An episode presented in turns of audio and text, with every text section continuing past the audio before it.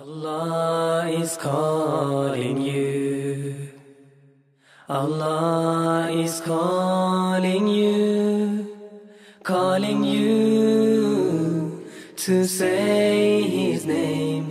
Allah is calling you, calling you to come home again. Allah is calling you. Remember when you were in pain. Remember when you called his name, but after he answered your prayer, you forgot that he is there. Allah is calling you. Allah is calling you, calling you to say His name. Allah is calling you. بسم الله الرحمن الرحيم الحمد لله رب العالمين والصلاة والسلام على رسول الله وعلى آله وأصحابه وسلم وسلم تسليما كثيرا Zahvala pripada Allahu Đalla Šanuhu i donosimo salavat i salam na posljednjeg Allahovog poslanika Muhammeda sallallahu alaihi wa sallam. Kaže uzvišeni Allah tabarak wa ta'ala يا أيها الذين آمنوا اتقوا الله حق تقاته ولا تموتن إلا وأنتم مسلمون وبيكو vjerujete bojite se Allaha istinskom bogobojaznošću i nemojte umirati osim kao pravi muslimani. Allah tabaraka wa ta'ala molimo da nas učini od onih koji ga se boje istinskom bogobojaznošću i od onih koji će umrijeti samo kao pravi muslimani i molimo ga subhanahu wa ta'ala da ga sretnemo, a da on sa nama bude zadovoljan. Draga braćo i cijene sestre, tema našeg večerašnjeg druženja, kao što ste mogli vidjeti i čuti, je moj život sa Kur'anom. Odmah na samom početku da kažem da pod ovim naslovom ne mislim na moj, moj život, moj lični život, nego u stvari kako bi trebao da izgleda život svakog od nas sa Allahom tabarak wa ta'ala knjigom. Tako da ono što mi je cilj večeras ovdje zajedno sa vama jeste da spomenem ajete iz Allahove tabarek wa ta'ala knjige i hadise i sunnata Allahovog Rasula sallallahu alaihi wa sallam iz kojih ćemo vidjeti veličinu i uzvišenost Allahovog tabaraka wa ta'ala govora kako bi nam to bio podstrek da svoje vrijeme i svoju snagu usmjerimo ka učenju i izučavanju najuzvišenijeg govora, a to je Allahovog tabareka ta'ala govor. Na samom početku, Allah vam dao svako dobro, želim da spomenem i kažem da čovjek kako bi razumio veličinu i uzvišenost Allahovog tabareka ta'ala govora mora da razumije i da bude svjestan uzvišenosti Allaha tabaraka wa ta'ala. Jer Allahu tabaraka wa ta'ala govor je svojstvo od Allahovi tabaraka wa ta'ala svojstava. I zato onaj koji spozna veličinu uzvišenog Allaha tabaraka wa ta'ala i uzvišenost i savršenost njegovih svojstava spoznaće veličanstvenost Allahove tabaraka wa ta'ala knjige. Pa ću ovdje spomenuti samo nešto, a naravno došao je veliki broj ajeta i hadisa koji nas podstiču na razmišljanje o Allahove tabaraka wa ta'ala veličini. Međutim, ja ću ovdje spomenuti samo ukratko kako bi, kao što sam rekao, kako bi vidjeli istoga veličinu uzvišenog Allaha tabaraka wa ta'ala te uzvišenost njegovog govora.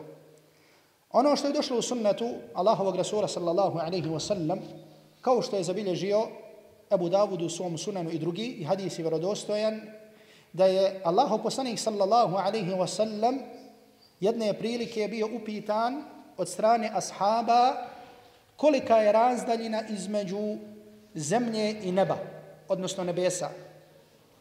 Pa je Allahu poslanik sallallahu alaihi wa sallam rekao između zemlje i neba je putovanje 500 godina. Pa kaže između dunjalučkog neba do sljedećeg neba. A znate da nam je došlo u Kur'anu i sunnatu da je Allah tabarak wa ta'ala stvorio sedam nebesa.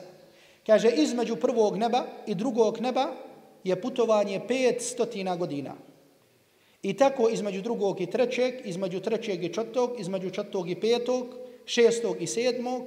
I kaže poslanik sallallahu alaihi wa sallam وَكِثَفُ كُلِّ سَمَائٍ مَسِيرَةُ 500 sana. A kaže debljina svakog neba je putovanje 500 godina. Iznad sedmog neba, kaže Allahu Resul sallallahu alaihi wa sallam, je voda. Gdje između njenog dna i njenog vrha putovanje 500 godina. A iznad toga je arš, a uzvišeni Allah tabaraka wa ta'ala je iznad arša i ništa mu nije nepoznato od onoga što rade sinovi Ademovi. Također je u sunnetu i u predajama Selefa došlo spominje, došao spomen kursija. I to je ono po čemu se ajetul kursi zovete ajetul kursi. A znate da je ajetul kursi najuzvišeniji ajet u Allahu i tabaraka wa ta'ala knjizi. I ono što je došlo u sunnetu Allahovog Rasula sallallahu alaihi wa sallam jeste da je kursi mjesto Allahovi tabaraka wa ta'ala stopala. Stopala onako kako doliko je uzvišenom Allahu tabaraka wa ta'ala. Međutim, govoreći o veličini kursija, Allahu poslanik sallallahu alaihi wa sallam kaže da je sedam nebesa u odnosu na kursi kao da neko od vas uzme halku. Znači nešto kao nešto, neku minđušu, nešto što je okruglog oblika. I da baci to u pustinju. Koliko je to malo u odnosu na prostranstvo pustinje, toliko je sedam nebesa malo u odnosu na kursi. A odnos arša prema kursiju je isti takav. To jeste kao da baciš nešto tako malo u pustinsku, u veliku, u veliku pustinju. I zato Allah vam dao sako dobro. Zamislite kolika je veličina jednog neba, a mi ne možemo vidjeti prvo nebo, kolika je veličina sedam nebesa, zatim kolika je veličina kursija, kolika je veličina arša, a uzvišeni Allah tabaraka wa ta'ala je iznad svega toga. I zato isto tako je došao opis Allahove tabaraka wa ta'ala, Allahovog tabaraka wa ta'ala govora. Pa nas je Allahu poslanih sallallahu alaihi wa sallam obavijestio da uzvišeni Allah tabaraka wa ta'ala kada progovori, kada kaže i kada ga meleki čuju. Ono što je došlo u sahihu od Ebu Hureyre radijallahu ta'ala anhu jeste da kada, uzvi, kada meleki čuju Allahu tabaraka wa ta'ala govor jeste da udare i spuste svoja krila iz poniznosti i iz straha zato što su čuli Allahu tabaraka wa ta'ala govor.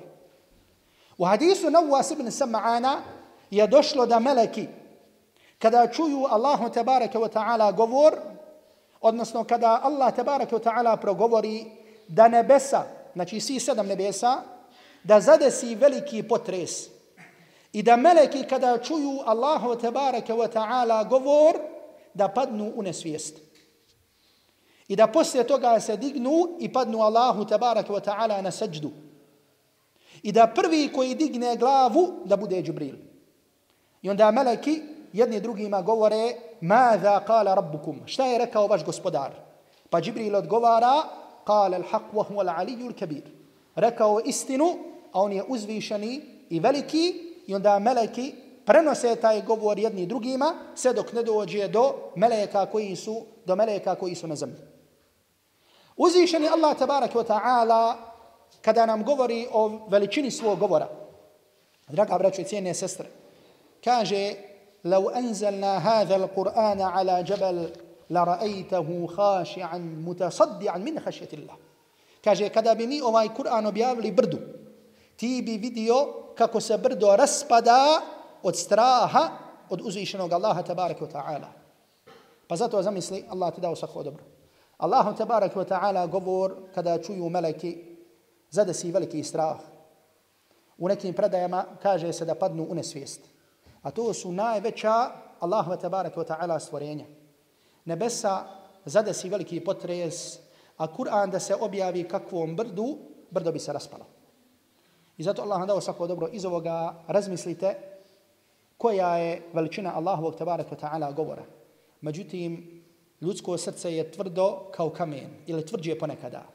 Pa ne može da bude svjesno veličine Allaha tabaraka wa ta'ala i njegovog govora osim kome se Allah tabaraka wa ta'ala osim kome se Allah tabaraka wa ta'ala smiluje. I ovo sam spomenuo zato što islamski učenjaci kada govore o fadiletima, učenja Kur'ana, bilo gledajući, bilo na pamet, kažu, kao što spominje Imam Kurtobi u svom tefsiru, kaže prva stvar, kaže da budeš svjestan da je tvoj govor Allaha tabaraka wa ta'ala. I zato je ovo dovoljna vrijednost i dovoljan podstrek da čovjek troši svoje vrijeme na polju izučavanju, izučavanja Allahu tabaraka wa ta'ala govora. Jer je to govor gospodara ljudi. I zato onaj od nas, a molim Allaha tabaraka wa ta'ala da budemo od njih, koji spozna suštinu svog života, ili bolje da kažem, koji spozna kako ovo vrijeme ide ili koliko brzo ide, usmjerit će, kao što rekoh, svoje vrijeme i svoju snagu ka izučavanju Allahovog tabaraka wa ta'ala govora. I zato Hasan al-Basri, taj poznati islamski učenjak, kaže, Jebna Adam, innama enta ijam. Kaže, o sine Adamov, kaže, ti si dani. Ti si dani. To jeste, ti si u stvari dani. I kada kullama zahaba jevmun, zahaba ba'duk. Svaki put kada ode jedan dan, kada prođe jedan dan, ode dio tebe. I zato kada prođe dan, kada prođe sedmica, kada prođe mjesec, kada prođe godina, ode dio nas. Ode dio koji se nikada više neće vratiti. I zato pametan je onaj koji razmisli radi čega će provoditi to vrijeme. I zato to ono što se prenosi od Selefa, od ashaba Allahovog poslanika sallallahu alaihi wa sallam, jeste da kada bi razmislili o onome radi čega su stvoreni i da će polagati račun pred uzvišenim Allahom tabarak wa ta'ala, poželili su da nikako nisu stvoreni, da nikako nisu rođeni. I zato što se prenosi od Ebu Zarra radijallahu ta'ala anhu i od drugih, jeste da su govorili وَدِتُّ أَنِّي شَجَرَةً u'dad wa anni lam ukhlaq. Kaže, poželim da sam drvo ili da sam biljka koja se pojede ili koja se posjeće. Wa anni lam ukhlaq i da ja nikako nisam stvoren. Draga braćo, ono što je došlo u govoru Selefa jeste da je čovjekov odnos prema Kur'anu i njegova ljubav prema Kur'anu i prema mushafu, da je to pokazatelj njegove ljubavi prema Allahu tabaraka wa ta'ala. I zato se prenosi od tog poznatog i velikog ashaba Allahovog Rasula sallallahu alaihi wa sallam Abdullah ibn Mas'uda radijallahu ta'ala anhu da je govorio من كان يحب أن يعلم أنه يحب الله فليعرض نفسه على القرآن kaže ko bude želio da zna i pogledajte kasnije ću vam spomenuti i reći nešto o važnosti govora i izreka selefa mi često draga braćo cijenije sestre u svojim životima postavljamo nekakva mjerila Međutim, ono što je mjerilo, mjerilo je ono što je došlo u Kur'anu i sunnetu i govoru Selefa. Ne ono što mi mislimo da je mjerilo. Pa je mjerilo naše ljubavi prema Allahu tabaraka wa ta'ala, naša ljubav prema Kur'anu. I naše provođenje vremena sa Kur'anom. I zato kaže Abdullah ibn Mas'ud, ko želi da zna da li voli Allaha ili koliko voli Allaha, neka pogleda Kur'an. To jeste neka pogleda svoj odnos prema Kur'anu. Pa ako bude volio Kur'an, neka zna da voli Allaha kaže fa innama al-Qur'an kalamullah. Jer kaže Kur'an to je Allahu tabaraka wa ta'ala govor. Ono što je također došlo u govoru Selefa, Allah vam dao svako dobro, jeste da je Kur'an i odnos prema Kur'anu da je pokazatelj čistote čovjekovog srca. A mi znamo da neće biti spašen na sudnjem danu osim onaj koji dođe Allahu tabarak wa ta'ala čistog srca. Pa se tako prenosi od Osmana, radijallahu ta'ala anhu, koji je bio poznat po svom učenju Kur'ana, da je govorio لو طهرت قلوبكم ma šebi'at min kalamillah. Kaže da su vaša srca čista, kaže ona se nikada ne bi zasitila Allahovog govora. Da su vaša srca čista, ona se nikada ne bi zasitila Allahovog govora. Pa neka onda čovjek pogleda u svoje stanje i vidi, na primjer uzme Kur'an da uči, uči pet ili deset ili petnaest minuta ili pola sata, međutim teško. Čovjek fizički može. Čovjek fizički, na primjer, može da radi, da kopa pije šest sahata. Znači, shodno svojoj snazi. Međutim, da uzme Kur'an, ne može da izdrži pola sata. Zašto? Zato što je pitanje srca. I zato mjerilo čistote srca jeste moj i tvoj odnos prema Allahu i tabarak wa ta'ala knjizi. I zato ovo je jedna veoma važna i bitna stvar da znamo. Također, kada je u pitanju fadilat i vrijednost Kur'ana i učenje Kur'ana, znajte Allah vam dao svako dobro, da je da Kur'an, odnosno nosioc Kur'ana, da za njega nije važno i bitno ili da kažemo da on ne poznaje porijeklo čovjeka. Allahov poslanik sallallahu alaihi wa sallam kada je počeo da poziva ljude u tevhid, Allah vas nagradio, sklonite se sa vrata jer još dolaze sestre i braće. Allahov poslanik sallallahu alaihi wa sallam kada je počeo da poziva ljude u islam, u tevhid, u Kur'an, bilo je ljudi koji su bili ugledni, koji su bili glavešne. Međutim, isto tako je bilo ljudi koji su u tom vremenu bili robovi. I vi znate da je nekada bilo robovlasničko društvo između ostalog.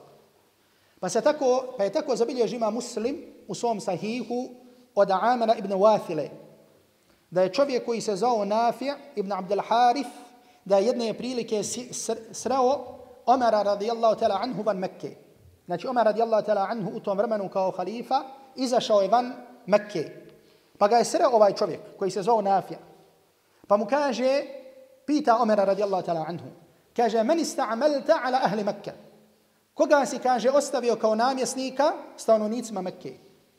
Pa mu kaže Omar radijallahu tala anhu, kaže, ostavio sam Ibn Abza. Ostavio sam Ibn Abza. Znači mladića kojem je bilo ibn, ime Ibn Abza.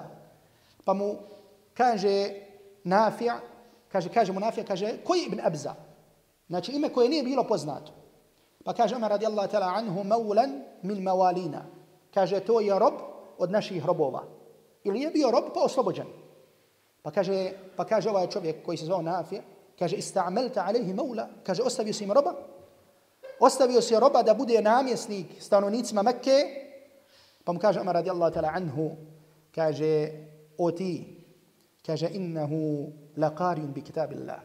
Kaže, on je nosioc Allahove tabarak wa ta'ala knjige.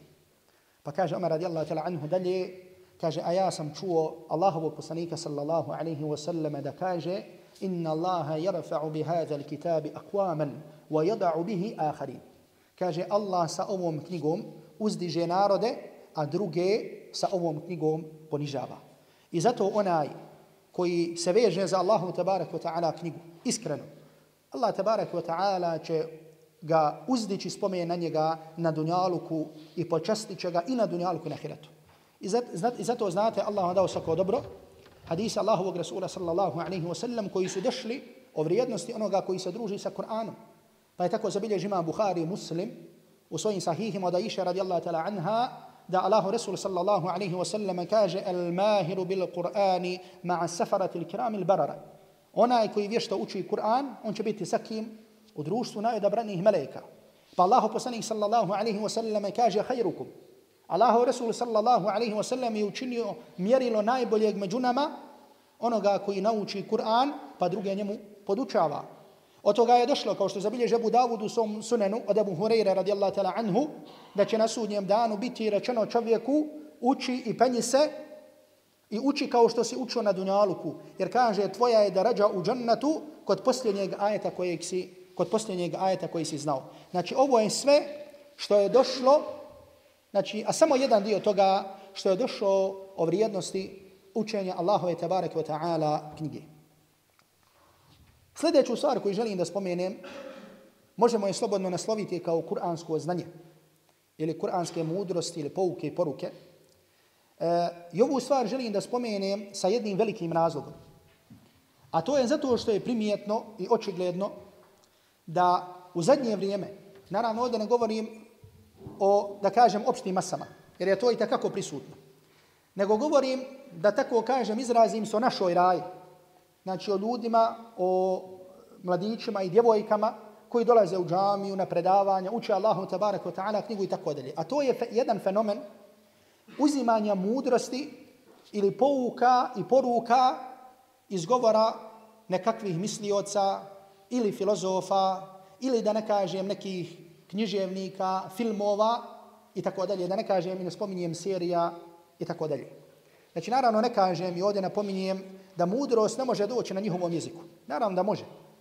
Međutim, jesmo li to proučili, da kažemo, pročitali cijeli prevod Kur'ana ili smo pročitali jedan najmanje tefsir Allahovog tabaraka ta'ala govora i razmislili o svakom kuranskom ajetu i uzeli pouku i poruku iz njega i pročitali hadise Allahovog Rasula sallallahu alaihi wa sallam i govor salafa, pa treba da tražimo mudrost negdje drugo.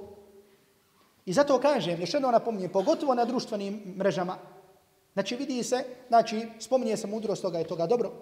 Zar nema mudrost, zar smo sve mudrost iz Kur'ana i sunnata Allahovog Rasula sallallahu alaihi wa sallam uzeli? I zato na ovu stvar je napomenuo Abdullah ibn Mas'ud u svom vremenu. Ovaj ashab Allahovog poslanika sallallahu alaihi wa sallam gdje kaže men arada la ilma fal yuthawwir al-Qur'an. Kaže ko hoće nauku. Jel da kažemo ko hoće spoznaju, ko hoće mudrost. Kaže neka to traži u Kur'anu. Fa inna fihi ilma al-awwalina wal-akhirin. Jer kaže u njemu je nauka i spoznaja prvih i kasnih generacija. Znači kao da hoće da kaže da Allah tabarak wa ta'ala znanje i mudrost svih naroda i svih generacija stavio u knjigu koja se zove Kur'an. I zato ako pogledamo islamske učenjake, Allah vam dao svako dobro, vidjet ćemo čak među njima one koji su bili poznati, za koje, znači nema pojedinca iz ummeta da za njih ne zna. I čak oni koji su pisali tefsire, kao što je šeheh Lusam ibn Taymiye. Međutim, opet, da su se na kraju svog života kajali zašto više vremena nisu provodili sa Kur'anom, tačnije zašto više vremena nisu provodili sa tefsirom. Kao što kaže Abdullah ibn Mas'ud, kao što sam rekao, zato što je u Kur'anu znanje prvih i kasnih, zato što je znanje prvih i kasnih generacija. Prije nego što spomenem neke primjere, želim ovdje da kažem jednu stvar.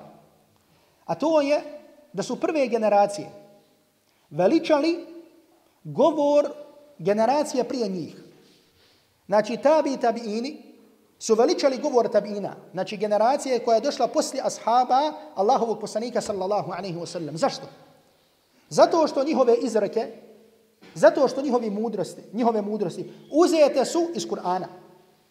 I zato čak kažu tabiini, kaže, pitali smo ashabe za određene stvari, iako je znanje toga bilo u Kur'anu, međutim, mi smo bili uskraćeni toga da to vidimo. I čovjek može biti uskraćen da vidi određenu stvar radi čega? Zato što mu srce nije dovoljno čisto. I zato su prve generacije ulagale trud i napor da razumiju čak govor koga? Govor tabiina. I zato se prenosi da je Abdullah ibn Mubarak putovao stotinama kilometara kako bi došao kod učenjaka koji se zvao Harun ibn Mughira. Ovaj Harun ibn Mughira je prenio jednu predaju od Hasana al-Basrija. Znači, prenio je predaju od Hasana al-Basrija. Gdje Hasan al-Basri kaže, kaže, nemoj kupiti ili nemoj zadobiti ljubav jednog čovjeka na račun, e, nemoj uzeti ljubav prema hiljadu ljudi na račun neprijateljstva prema samo jednom čovjeku. Pa kaže Hanun ibn Mughira, došao mi je Abdullah ibn Mubarak, kaže, samo da me pita da li je istina da je ovu izreku rekao Hasan al-Basri. Znači, ako je ovo govor Ako je ovo slučaj sa govorom tabina, pa gdje onda sa govorom poslanika sallallahu alaihi wa sallam? Gdje onda govor Allaha tabaraka wa ta'ala? I zato učenja koji se zvao Ebu Idris al-Hulani je prenio od Ebu Zarra radijallahu ta'ala anhu hadis, veliki kuci hadis, gdje uzvišeni Allah tabaraka wa ta'ala kaže o moji robovi ja sam zabranio nepravdu i učinio sam da bude zabranjena među vama. Znači poznati duži kuci hadis. Pa kaže Kaže, Ebu, kaže se da Ebu Idris al-Hulani, kada bi prenosio ovaj hadis, da bi pao na svoja koljena. Da bi čučno i pao na svoja koljena, kada bi prenosio, kada bi prenosio ovaj hadis. Ja ću spomenuti ovdje nekoliko primjera iz, kraći, iz kraćih kuranskih sura. Iz, kura, iz kuranskih sura koje znam, znači iz ovih zadnjih desetak, 15 sura, ili da kažem eventualno iz Amme Iz dva razloga. Prvi razlog je, Allah vam dao svako dobro, da vidimo koje riznice nosimo u svojim prsima, međutim nismo svjesni toga. A druga stvar, kako bi nam bio podstrek, pogotovo sada kada dolazi mjesec, mjesec Kur'ana, kako bi što više izučavali Allahu tabaraka wa ta'ala knjigu. Naprimjer, kada je u pitanju vrijednost imana i vjerovanja. Draga braćo, najvrijednije što čovjek ima kod sebe na ovom dunjalu je njegovo vjerovanje, njegov iman. To je najvrijednija stvar. Međutim, danas ljudi za ovu stvar najmanje strahuju. I najmanje uzrok brige i tuge kod čovjeka je radi njegovog, da kažemo, zato što misli ili razmišlja da li je njegov iman dovoljno dobar ili nije. Ili da čovjek upadne u tugu ili brigu zato što je dovoljno naučio Kur'ana ili nije naučio Kur'ana, zato što vodi računa o džamatu ili ne vodi tako dalje. Većinom uzrok naše briga i tuga je vezan ženinba udaja, nisi oženio koju si htio, nisi udala za onoga za koga si htjela, znači zato što je plaća kod ovoga ovlika, plaća kod ovoga nije koliko ti želiš i tako dalje. To je uzrok naših briga i tuga. Međutim, stvar za koju najviše trebamo strahovati je naše vjerovanje. I zato su najviše strahovali poslanici. I zato kada je u pitanju važnost i vrijednost, važnost vjerovanja, dovoljno je da uzmemo samo suru Val Asr, gdje uzvišeni Allah tabarak wa ta'ala u toj kratkoj kuranskoj suri. Kaže Val Asri inna l'insana lafi khusr. Tako mi vremena čovjek je u istinu na gubitku. Znači u ovom hadisu, u ovom ajetu, znači kao da se kaže, kao da je osnova za svakog čovjeka da je na gubitku i u propasti. I na dunjaluku, a na hiratu posebno. Illa alladhina amanu wa amilu salihat. Osim oni koji vjeruju i koja, koji dobra djela čine. I zato se prenosi od imama Šafije, rahmetullahi alaihi, da je rekao da uzvišeni Allah tabaraka wa ta'ala nije objavio dokaz protiv ljudi osim ovu kuransku suru, bio bi dovoljan dokaz protiv, bio bi dovoljan dokaz protiv njih.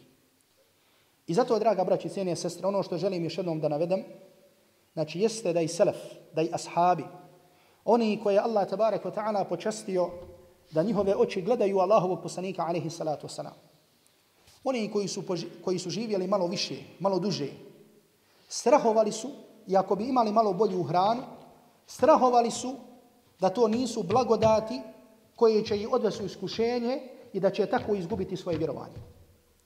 Pa je tako Abdurrahman ibn Auf, taj poznati ashab Allahovog poslanika sallallahu alaihi wasallam, kao što je zabiljež imam Buhari u svom sahihu, jedne prilike je postio. Allah vas nagradio, uslikajte, stante više sa tim slikanjem. Jedna, dvije, tri slike i cijelo vrijeme drse se slika. Da Abdurrahman ibn Auf jedne prilike je postio. I ljudi su mu donijeli hranu. Pa je kaže zaplakao. Pa kaže Abdurrahman ibn Auf, kaže, kutile Musa'ab ibn Umair. Kaže, ubijen je Musa'ab ibn Umair, wa kana khayra minni. A bio je bolji od mene.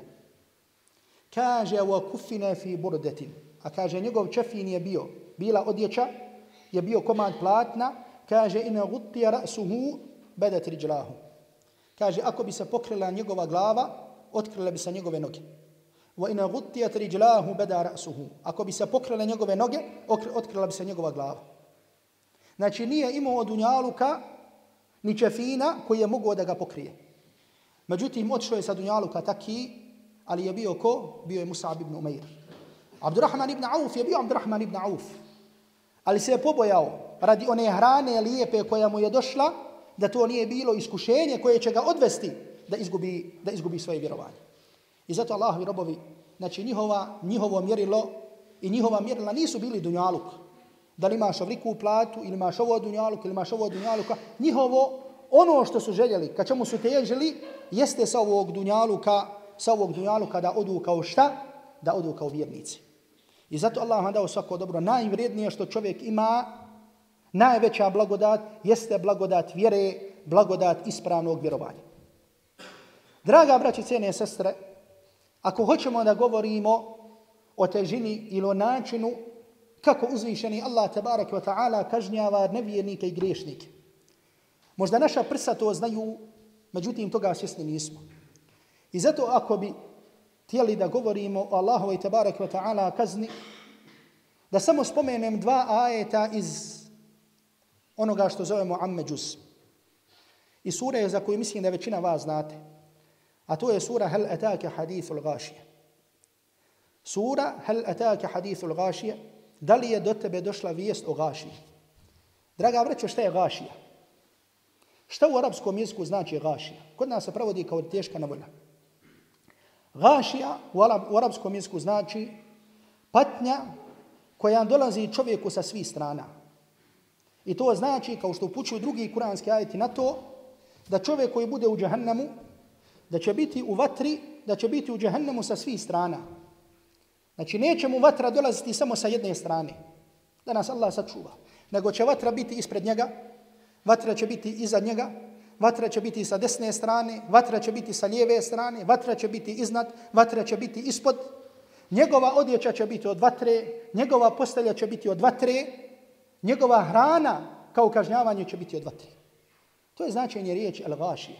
Zato kaže Allah tabarak wa ta'ala tasla naran hamija. Kaže lice koje će pržiti, koje će pržiti vatra. A u drugim ajetima je došlo znači da će im kazna dolaziti sa svih strana. I to je značenje, znači ajet, odnosno riječi al-ghaši. Tako će biti kažnjavani oni koji su ušli u vatru da nas Allah tabarak wa ta'ala od toga sačuva. A također od ajeta koji je došao u suri An-Naba jeste da kaže Allah tabarak wa ta'ala فَذُوكُوا فَلَنْ نَزِيدَكُمْ إِلَّا عَذَابًا Pa kaže kušajte, a mi ćemo vam patnju samo povećavati. Kaže jedan broj salafa da je ovo najžešći ajet u Allahovoj tabarak wa ta'ala knjizi. Kaže jedan broj salafa da je ovo najteži ajet u Allahovoj tabarak wa ta'ala knjizi. Jer ovo ukaziva na stavnici džahannama koji budu u patnji da će vremenom se njihova patnja samo, samo povećavati.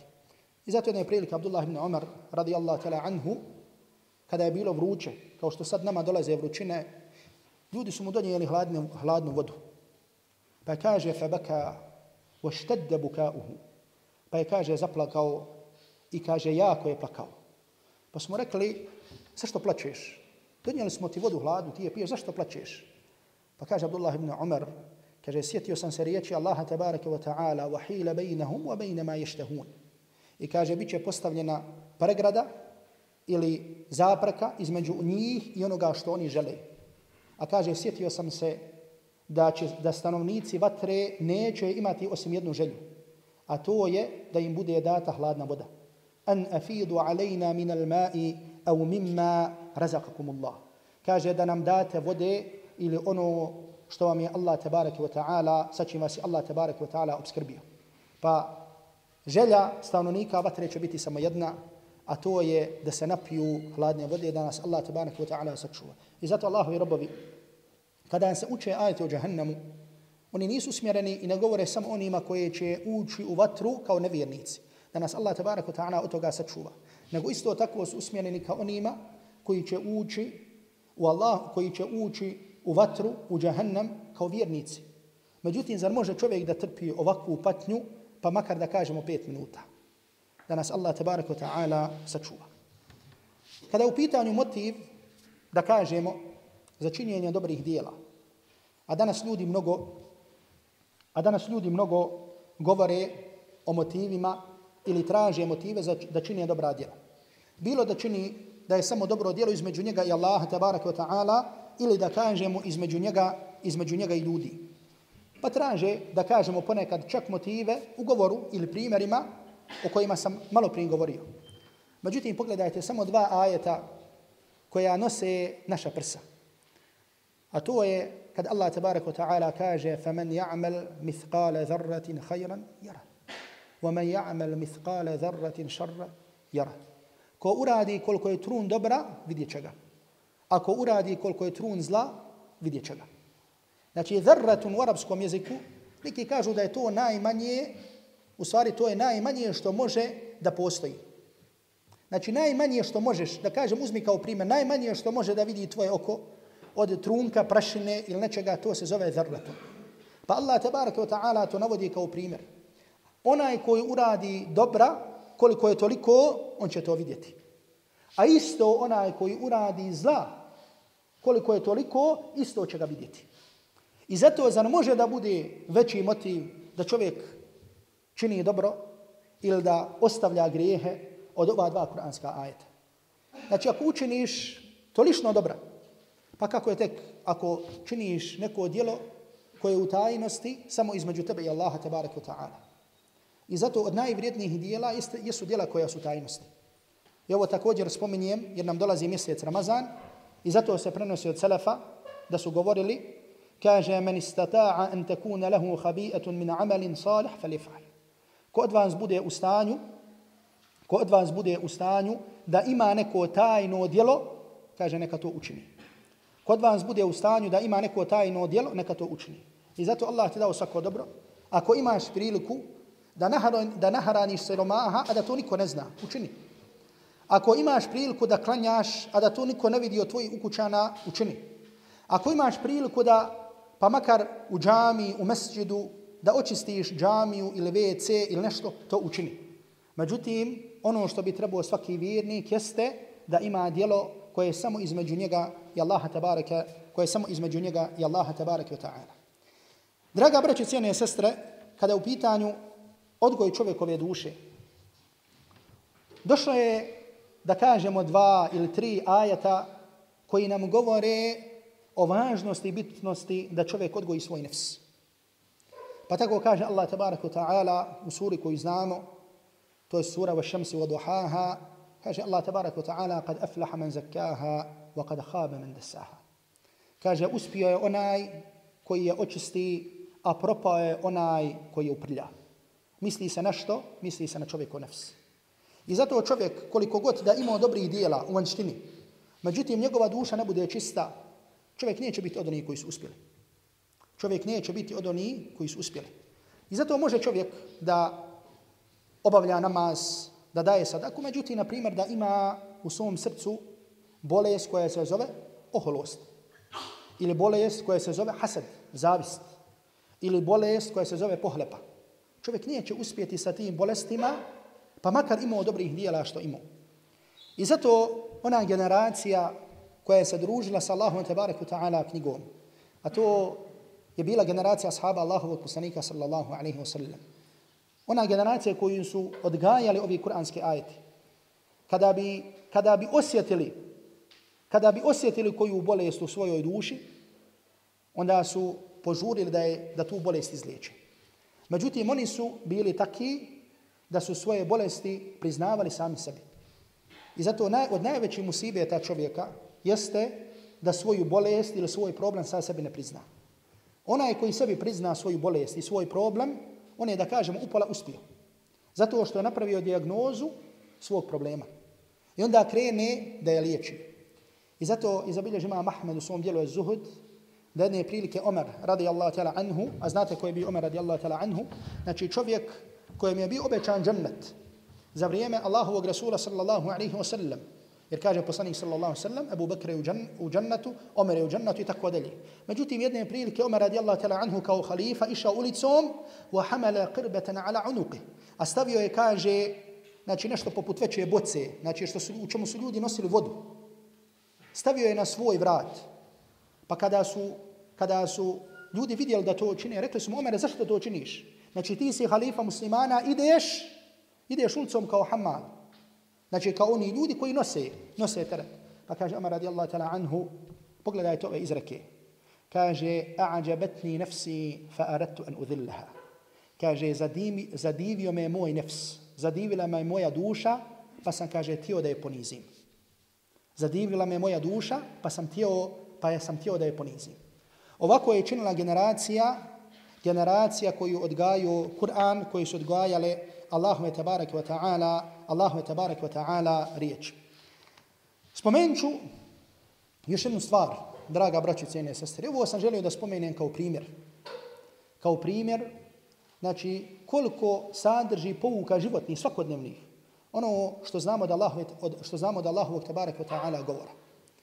Jedan veliki problem koji imamo, da kažem sami sa sobom, prvo, zatim uh, u našem društvu, zatim u našoj zajednici, Ili da kažem, jedan od najvećih problema i najvećih musibeta jeste problem čovjekovog jezika.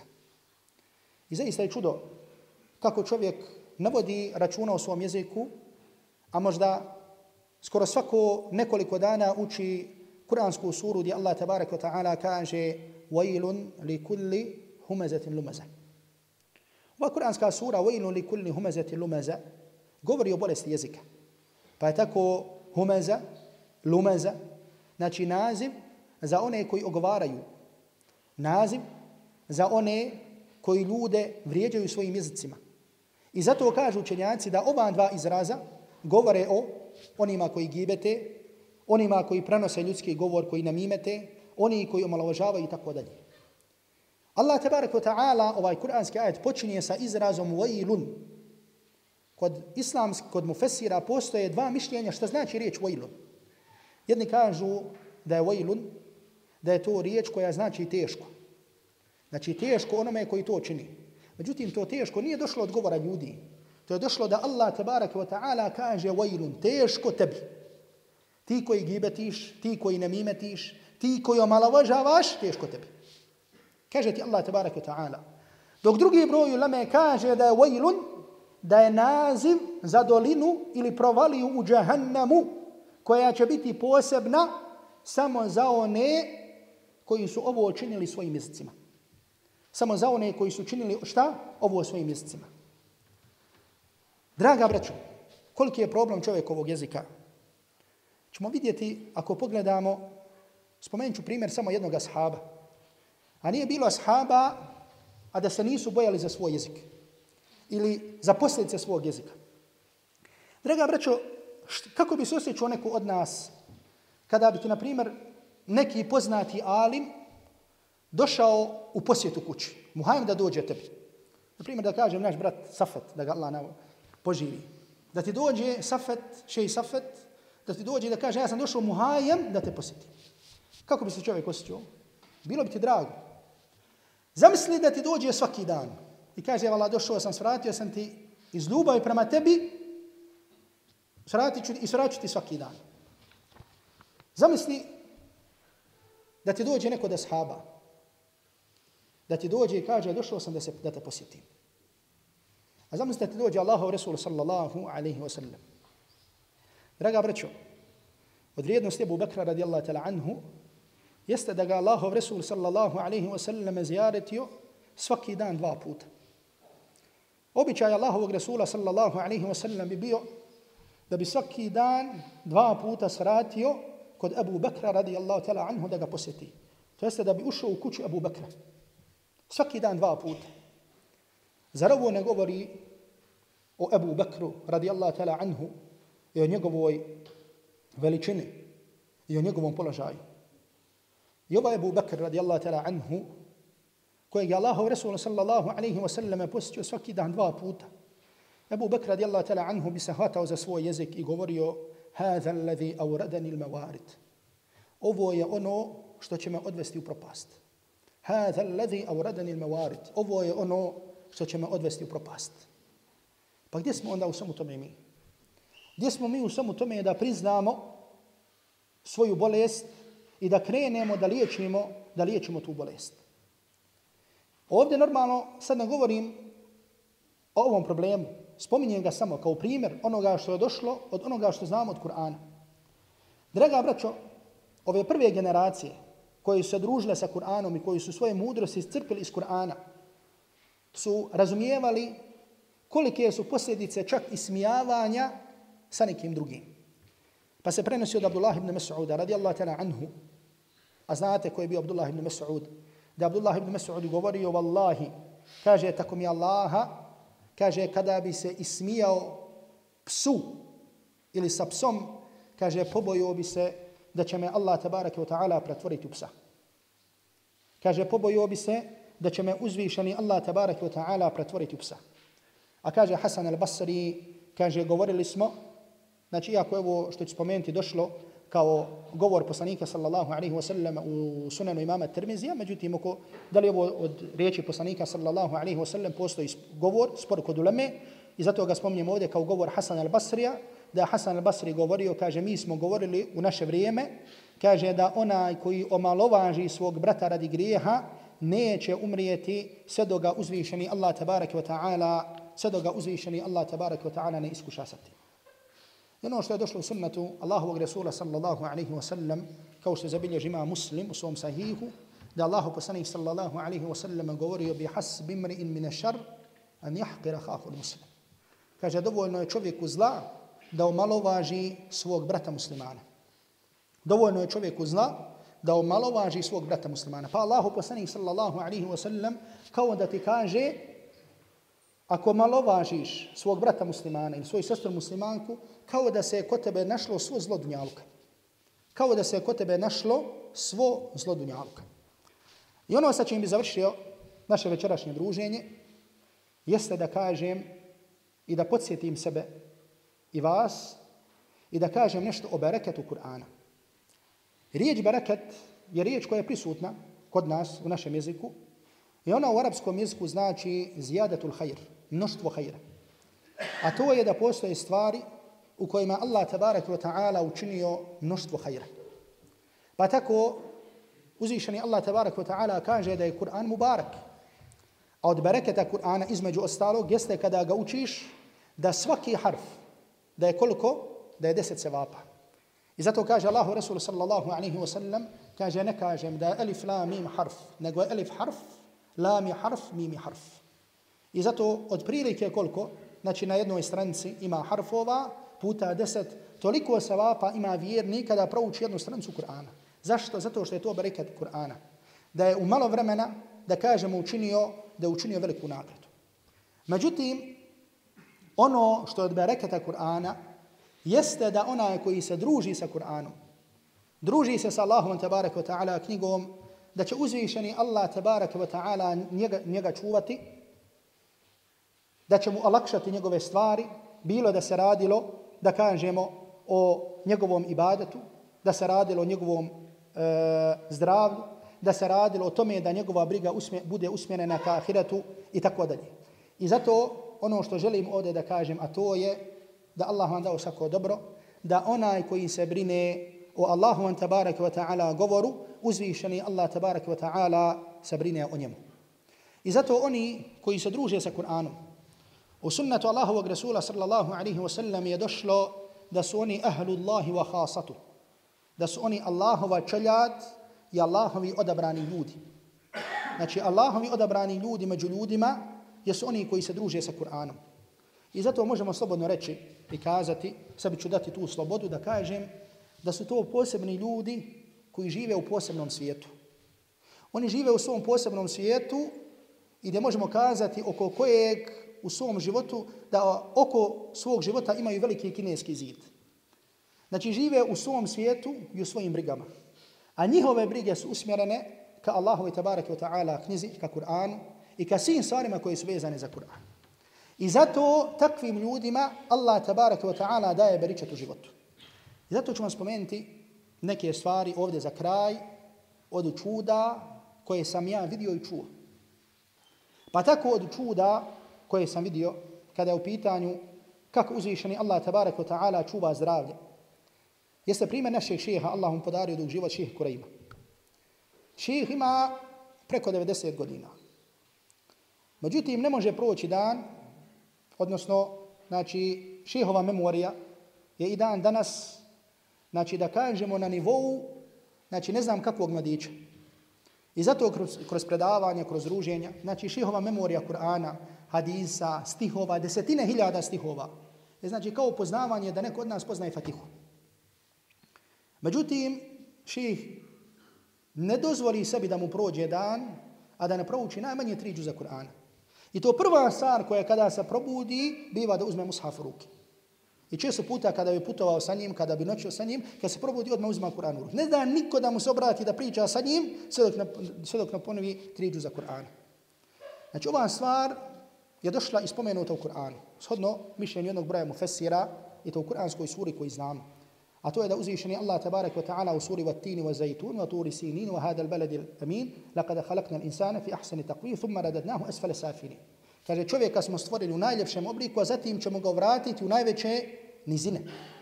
Osim oni koji vjeruju koja dobra djela čini. Jedan broj uleme kaže da se ovdje najveće nizine da se odnosi na džahannam. Međutim, jedan broj uleme kaže da se ovo odnosi na velike godine ili duboku starost. Pa kaže ulema, ako se ovo odnosi na veliku starost, kakva je onda korist osim oni koji vjeruju i koji dobra tijela čine?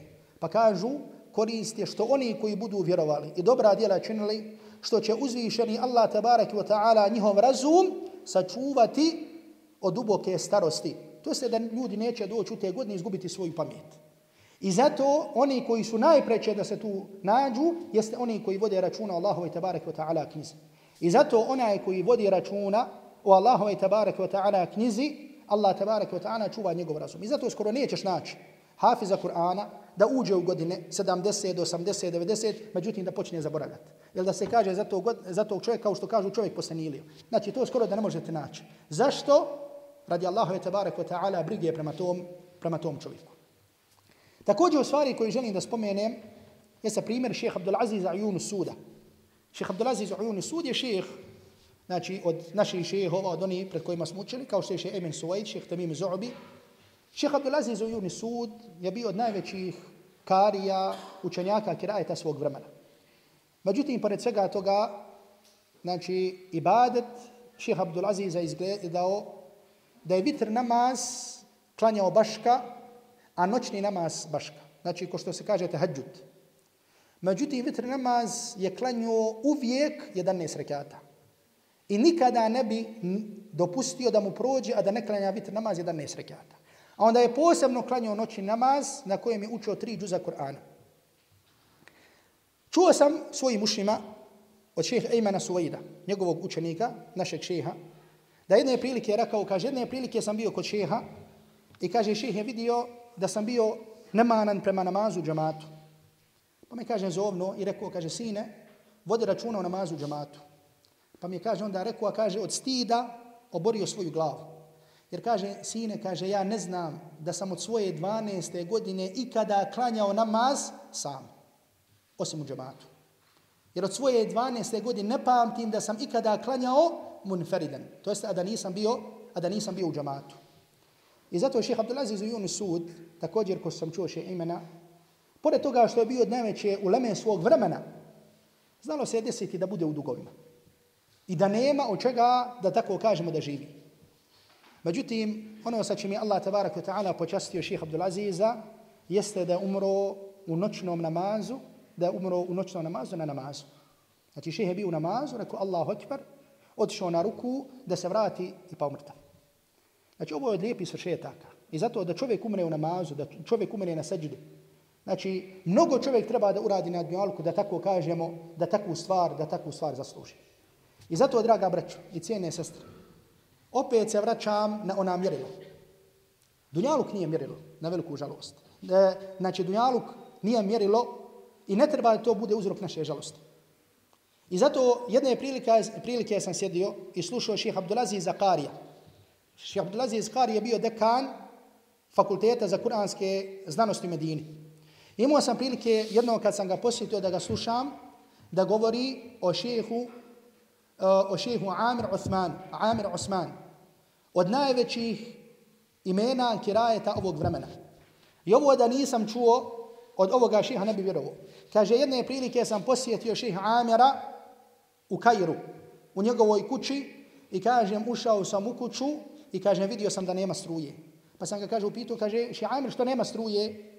Pa kaže, vallaj, kaže, nemam para, kaže, da platim račune. A to je bilo vrijeme kada je bio šej svi karija Egipta. A položaj šeji svi karija Egipta je od najveći, onaj koji poznaje, od najveći položaj kada u pitanju, kada su u pitanju kerajeti, kada je u pitanju i kada je u pitanju Kur'an. I zato, draga braću, i ljudi ako nisu imali dunjaluk, imali su u svojim prsima Kur'an. Jer Kur'an, da dođe u tvoje prsa, Znači, zato ne pomaže štela, zato nema mandat i zato mandat ne može proći. Onaj koji zna Kur'an, on ga uvijek zna. Onaj koji se druži sa Kur'anom, on bi trebao uvijek da se druži sa Allahom tabaraka ta'ala knjigom. I zato oni možda nisu imali dunjaluka. Međutim, hvala Allahu, većina nas ima i da pojede i da popije i osnovne svoje potrebe i više od toga. Međutim, oni su imali baričat, baričat u svojim životima. I zato danas mi imamo mnoge stvari koje nam pomažu da kažemo ka hivzu, ka ovome, na primjer telefon pogledajte, ili da zovneš, ili da se javiš, ili tako dalje, znači programi za učenje hivza. Međutim, imaš hiljadu programa za učenje hivza, ajet, ovaj, onaj, međutim, neće u glavu, neće u srce. Zašto? Pogledaj gdje je tvoje srce. Pogledaj gdje je tvoje srce, ka čemu je usmjereno. I zato, drag, Šeji Kureyim, znači moj uvaženi Šeji Kureyim, sam slušao sam ga, učio je hivz, Znači, tako što bi između ostalog izašao na veče, kući nisu imali struje, izašao bi na veče i kaže, Stao bi ispod lampe i otvorio bi mushaf i kaže tako bi učio hifs. Međutim, imali su želju, imali su volju, imali su srca koja su bila živa. I zato danas pogledajte posebno u ovim vremenima.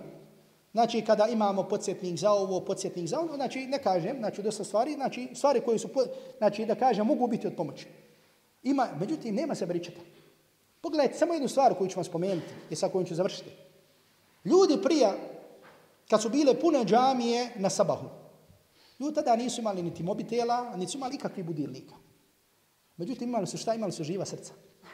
Znači srca za koja nije trebao toliko da zvoni telefon, ko tebe zazvoni jedno telefon pa ga ugasiš, pa drugi put pa ugasiš, ili odmakneš telefon od sebe kako bi ustao, kako ga ne bi...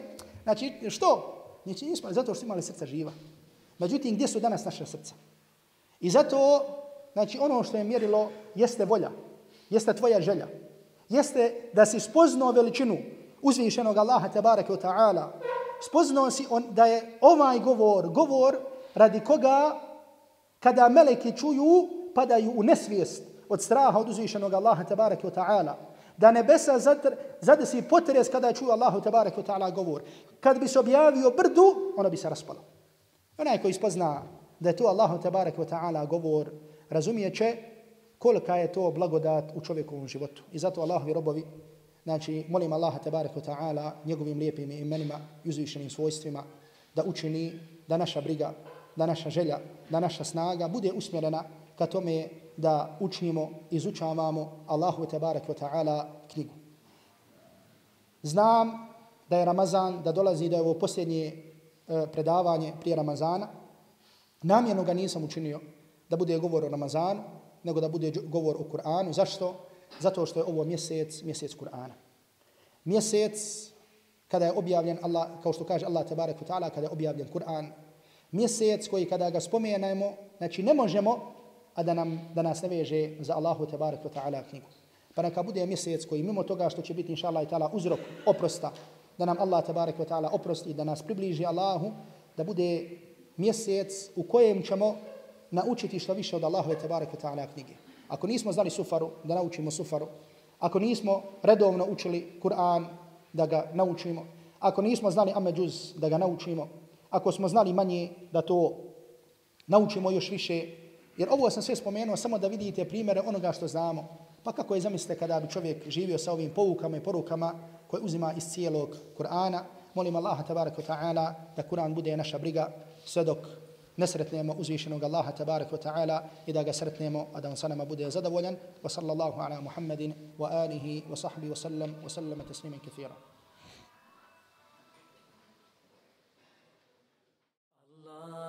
is calling you. Allah is calling you, calling you to say.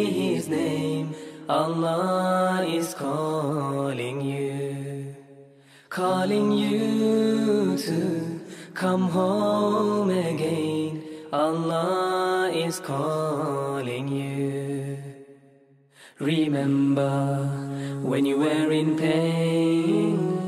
Remember when you called his name, but after he answered your prayer, you forgot that he's there. Allah is calling you. Allah is calling you, calling you to say his name, Allah.